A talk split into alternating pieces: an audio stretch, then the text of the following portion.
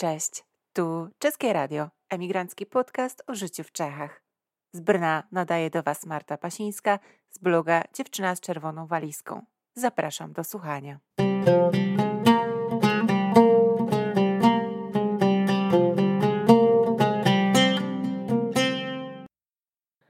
Cześć, witam w drugim odcinku podcastu Czeskie Radio. Tym razem pozastanawiamy się razem, dokąd na wakacje jeżdżą Czesi. To temat, który podsunęła mi jedna z Was, drodzy słuchacze i słuchaczki. No bo tak, my o tych Czechach tutaj sporo mówimy, czytamy, piszemy na różnych grupach, zastanawiamy się, dokąd najlepiej pojechać na długi weekend albo na urlop. Oczywiście poza Pragą, bo to jest destynacja, którą wszyscy znają. Tymczasem padło pytanie, dokąd na urlop jeżdżą tak naprawdę lokalsi. No bo czy istnieje lepszy sposób na zwiedzanie i poznanie danego kraju niż posłuchanie rad tubylców? Nie, oczywiście. To oni swój kraj znają najlepiej, wiedzą co, jak i gdzie, mają cały know-how w małym palcu. Postanowiłam więc przyjrzeć się temu, co Czesi lubią najbardziej i co właściwie na wybierają na wakacyjne wyprawy. Mówimy oczywiście o tych wyprawach wewnętrznych, lokalnych, czyli czeskich. W poprzednim odcinku wspominałam, że Czesi są dość wsobni jako naród i często zadowalają się własnymi kierunkami. To nie jest tak zupełnie prawda. To znaczy, nie, że was prowadziłam w błąd.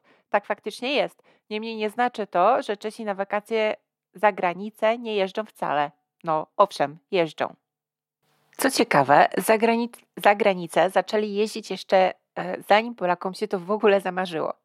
Tak, e, komuna może i upadła u nas szybciej, ale Polacy zbiorowo na wakacje zagraniczne zaczęli na dobre jeździć chyba dopiero w latach 2000. Tymczasem Czesi już w latach 90. Hitem była oczywiście przysłowiowa już Chorwacja. Do dziś w wielu turystycznych miejscowościach na chorwackim wybrzeżu znajdziecie hotele, które na obiad czy kolację oferują dania kuchni czeskiej, w których obsługa mówi po czesku. Chorwacja to przez dobre dwie dekady było urzeczywistnienie czeskiego snu o raju.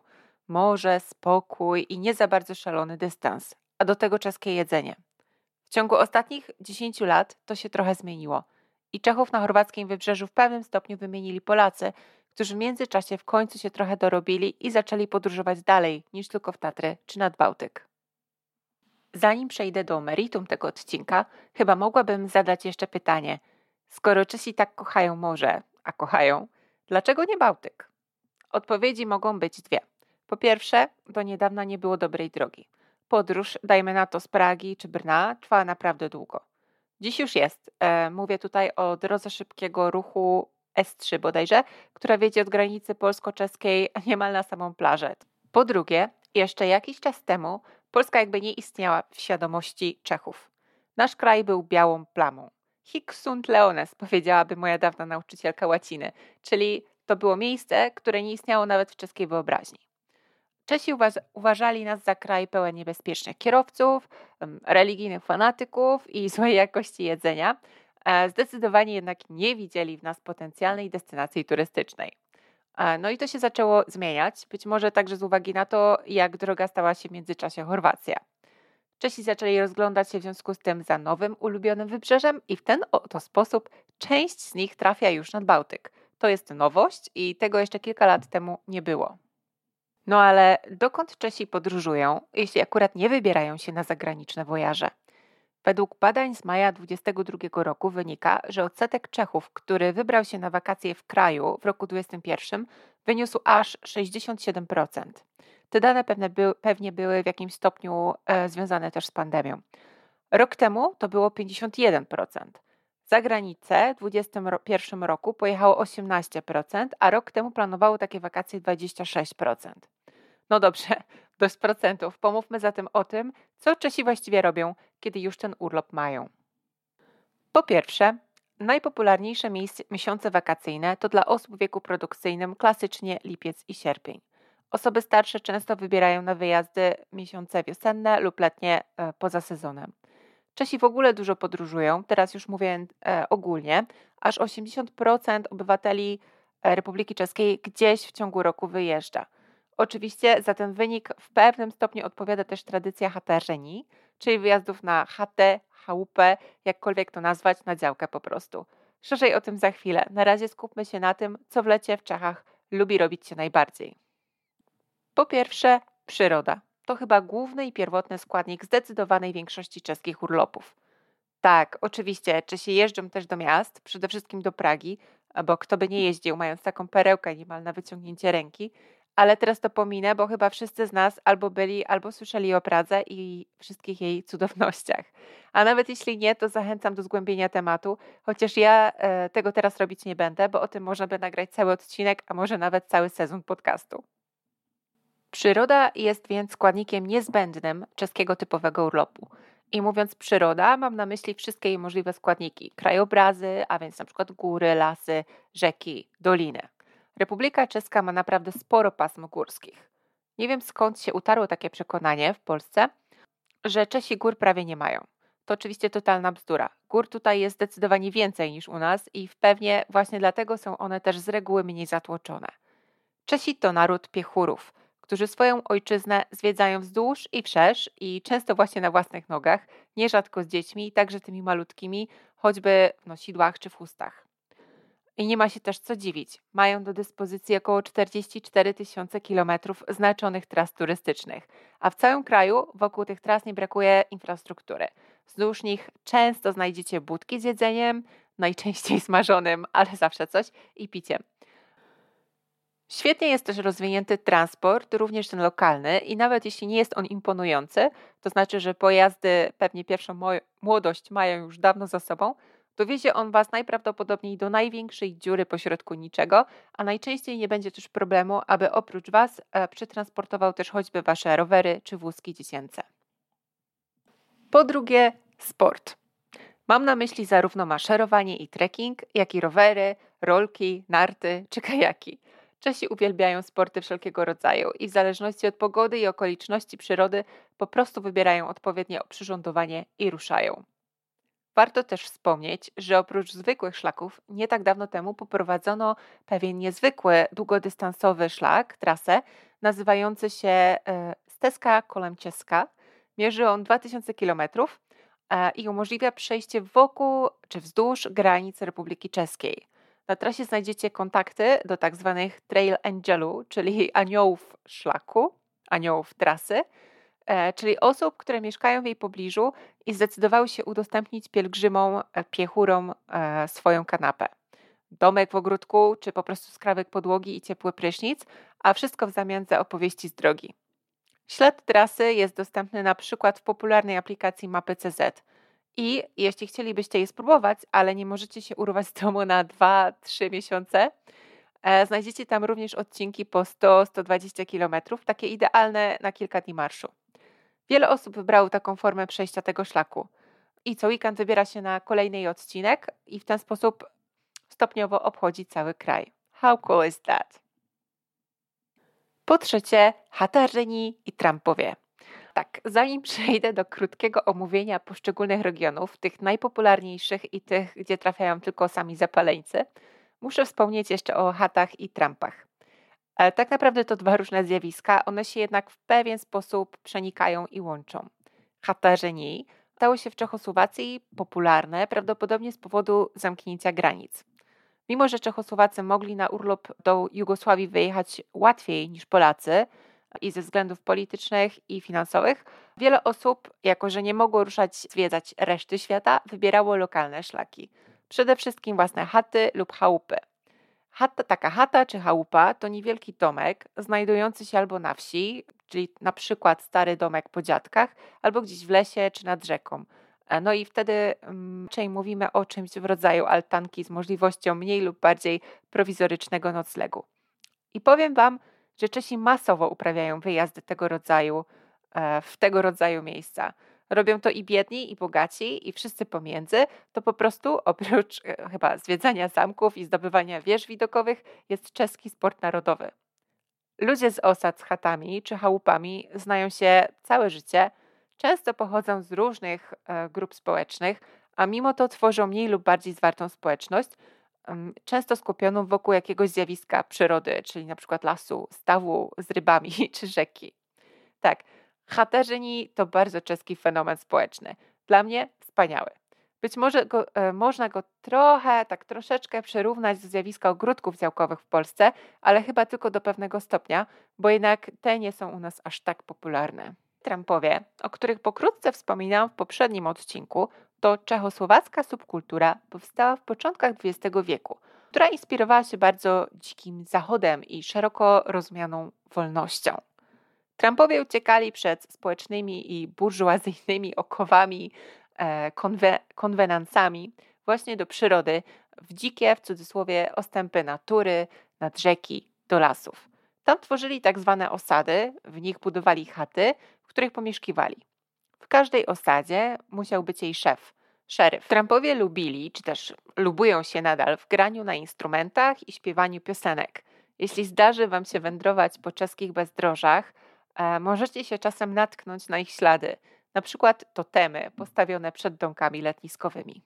Przejdźmy do poszczególnych regionów. Które cieszą się największą popularnością? Gdzie najczęściej jeżdżą sami Czesi? Przygotowując się do tego odcinka, zerknęłam w statystyki i muszę powiedzieć, że trochę się zdziwiłam. Mieszkam w Czechach już od ponad 5 lat, a jestem z nimi w regularnym kontakcie od 13. Wydawało mi się, że najczęstszym kierunkiem są królowe czeskich gór, czyli Karkonosze. Karkonosze, po polsku wcześniej zwane górami olbrzymimi, to najwyższe pasmo górskie w Czechach, a Śnieżka, czyli po czesku Snieżka, to najwyższa góra w Czechach, która jednocześnie jest bardzo popularna wśród turystów, również takich, którzy w innych okolicznościach górskie szlaki raczej by omijali. Oczywiście wiąże się to z faktem, że można na nią wjechać wyciągiem. Niemniej regularnie widuję e, w czeskiej prasie obrazki przedstawiające turystów w klapkach, którzy rozdeptują znajdujący się tam park narodowy. Tymczasem prawda jest taka, że to inny park narodowy bije aktualnie rekordy popularności w Czechach. Znajduje się on także na pograniczu, tyle że tym czesko-niemieckim. Mowa, rzecz jasna, o Szumawie. Jest to dość interesujące zjawisko, być może niektórzy określiliby je nawet mianem paradoksu, bo Szumawa przez wielką część XX wieku była regionem niemal wyludnionym. Najpierw opuścić ją musieli Czesi, których przegonili naziści wraz ze swoimi poplecznikami, a potem, e, kiedy Sudety, i mówiąc Sudety mam na myśli czeski sens tego słowa, czyli e, regiony w Czechosłowacji, które zamieszkiwali czechosłowaccy Niemcy, no więc kiedy Sudety oderwały się od pierwszej republiki Czechosłowacji i przyłączyły do nazistowskiej Rzeszy. Potem, po przegranej wojnie, w ogromnej większości to Niemcy musieli te tereny opuścić i zostawić za sobą swój majątek. W końcu, kiedy Szumawa wróciła do Czechosłowacji, na owe tereny przygraniczne spadła, opadła słynna żelazna kurtyna z przemówienia Winstona Churchilla. Pozostali mieszkańcy, to jest ci, którzy jeszcze nadal tam mieszkali, zostali wysiedleni. Tereny przypadły, przypadły we władanie w wojsku, które zrównało z ziemią wiele wiosek i domostw. Przez dziesiątki lat regionem rządziła przede wszystkim przyroda. Kiedy w końcu upadł komunizm, region odżył. Dziś, jak wspomniałam, Szumowa jest bardzo popularnym turystycznym celem, ale nadal zaznać w niej można ciszy i spokoju i pozachwycać się dziewiczą przyrodą. A skoro o parkach narodowych mowa, to w Czechach mamy je cztery, tylko cztery, pomyślicie. W kulisach rozgrywek politycznych pojawiają się czasami jakieś pomysły na utworzenie nowych parków, o tym może jednak kiedy indziej.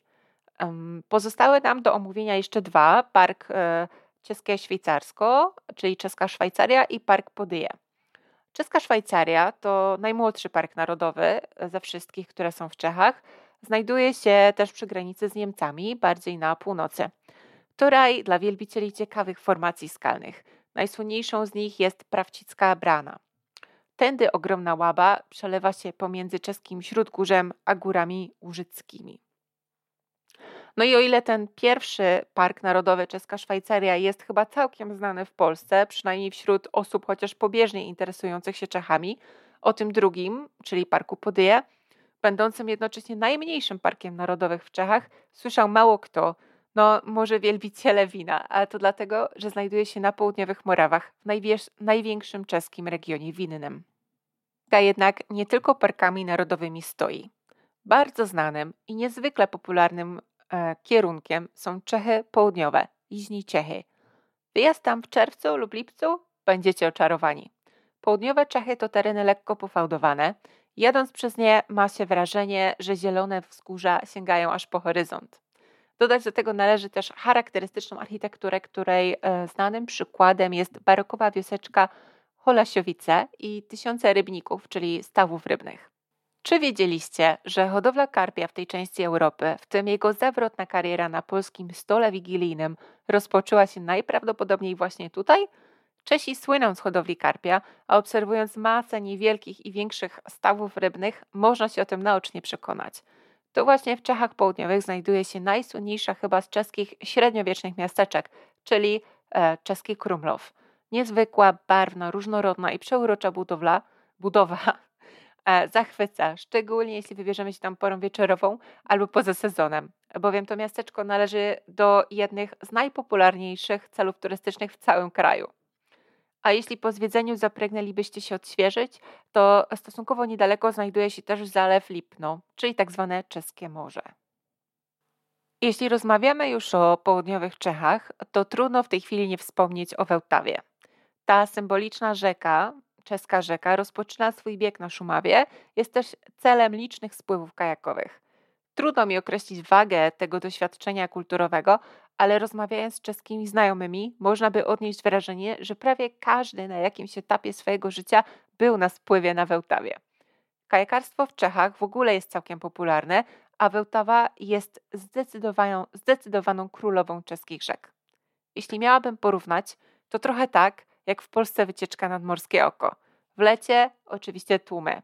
Jeśli jednak wybrać odpowiedni termin, czyli na przykład poza weekendem, można spędzić kilka przeuroczych dni na rzece, śpiąc pod namiotem na zorganizowanych wzdłuż niej kempingach. Byłam, przeżyłam, uwielbiam. Świetne przeżycie. Z tych bardziej znanych czeskich regionów, które licznie odwiedzają Czesi, muszę jeszcze wspomnieć o czeskim raju i Beskidach. Czeski raj to znowu formacje skalne z piaskowca, ale też słynny zamek Troski, czyli to, co Czesi lubią najbardziej. Pierwsze wycieczki w pięknych okolicznościach przyrody i zamki. Beskidy natomiast są trochę jak e, ich kuzyni po polskiej stronie granicy. Mnie wydają się szczególnie interesujące z tego względu, że niosą niesamowitą historię kulturową.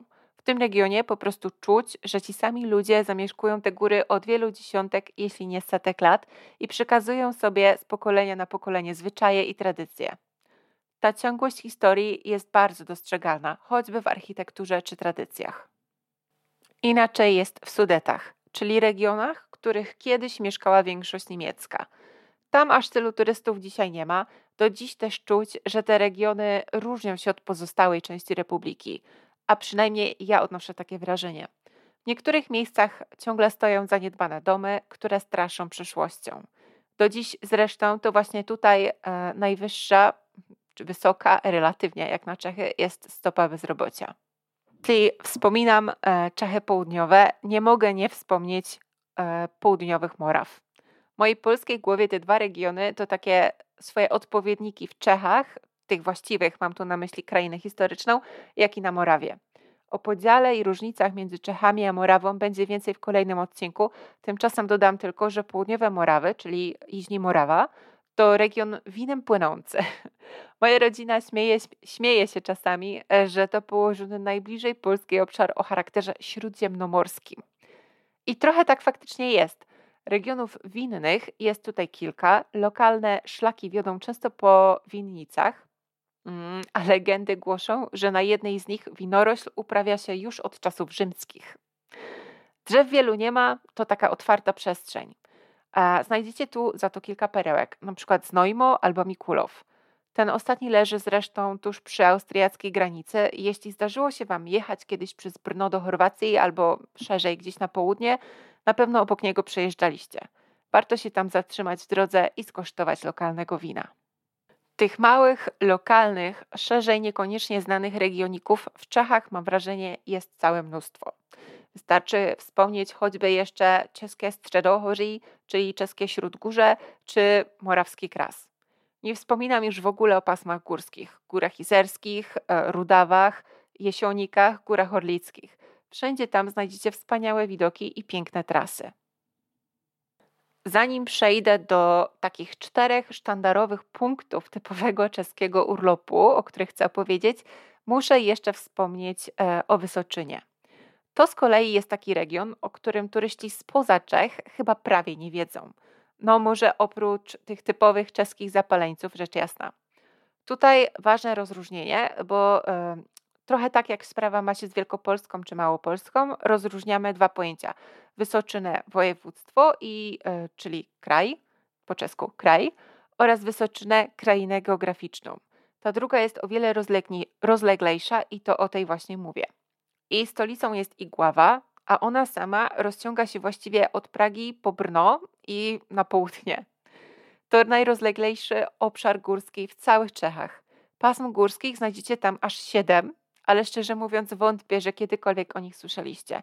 Nie są one zbyt wysokie, w ogóle nie przeszkadza to jednak przyjemnemu ich poznawaniu pieszo czy na rowerze. Zbliżamy się powoli do końca tego przydługiego odcinka. Zanim on jednak nastąpi, wspomnę jeszcze o małych miasteczkach, transporcie lokalnym, zamkach oraz wieżach widokowych. Wydaje mi się, że to są takie cztery podstawowe filary typowego czeskiego urlopu. No, chyba że ktoś posiada przyczepę kempingową albo wręcz karawan, wówczas dodajmy jeszcze życie na kempingu. Czechy stoją małymi miasteczkami powiem, chociaż wy już na pewno o tym wiecie. Czeski Krumlow, Kutna Hora, Litomyśl, Kromierzyś, Telć, Trzebić, Tabor, Olomouc, chociaż e, Olomouc o, po polsku Ołomuniec akurat jest całkiem duży. Są one bardzo często przeurocze, skrywają wiele ciekawych historii i można w nich zazwyczaj dobrze zjeść. Czeską kuchnię, rzecz jasna, i popić dobrym piwem. No, a skoro już o piwie mowa, Małe lokalne browary, których w Czechach jest kilkaset, nie żartuję, znajdują się właściwie prawie wszędzie i wszędzie można próbować nowych frykasów w płynnym złocie. Podobnie wszędobylskie są wieże czy, czy punkty widokowe. Jak Boga kocham, jest ich całe zatrzęsienie, a ja czasami mam wrażenie, że celem życiowym każdego Czecha jest zdobyć ich jak największą ilość. Są wszędzie i stanowią doskonały cel wycieczek. Nie mogę też zapomnieć o transporcie lokalnym, szczególnie o kolei, e, która, e, jak wspominałam już na początku tego odcinka, choć być może nie jest najnowsza, ma tę wielką zaletę w porównaniu z polskimi pociągami, że dociera niemal wszędzie, mm, a do tego jest relatywnie tania. A jeśli nawet motorak e, do jakiejś wsi czy miasteczka nie dociera, prawdopodobnie pojedzie tam autobus i to nawet z bagażnikiem na rowery. Tu warto pewnie jeszcze zauważyć, że czeskie drahy na wielu dworcach w całym kraju prowadzą wypożyczalnie rowerów. Można więc wycieczkę pociągową zamienić w wycieczkę pociągowo-rowerową. Czy to nie wspaniałe? To ostatni punkt, choć e, pewnie jeden z najważniejszych. Zamków w Czechach jest zatrzęsienie. I podobnie jak w przypadku wież widokowych, czyli rozchledni, stanowią one idealny punkt, do którego można dojść lub dojechać podczas wycieczki. Te najsłynniejsze to na przykład hrad Loket, hrad Krzywoklad, hrad Karlstein czy hrad Bernstein. Mnóstwo jest także pałaców. Nie będę ich teraz wszystkich wymieniać, ale to na pewno jest dobry kierunek poszukiwań, jeśli interesuje Was urlop w Czechach. Czy odpowiedziałam dziś na Wasze pytanie, dokąd jeżdżą na wakacje i jak się urlopują Czesi? Mam nadzieję, że chociaż częściowo tak. Najlepiej będzie jednak przekonać się o tym osobiście. Nie traćcie czasu, wymieńcie co najszybciej złotówki na korony i z gotówką w ręce, bo kartą na prowincji to zapłacić nie jest wcale tak łatwo. Ruszajcie na wyprawy, te czeskie, lokalne. Ciao i do usłyszenia za tydzień.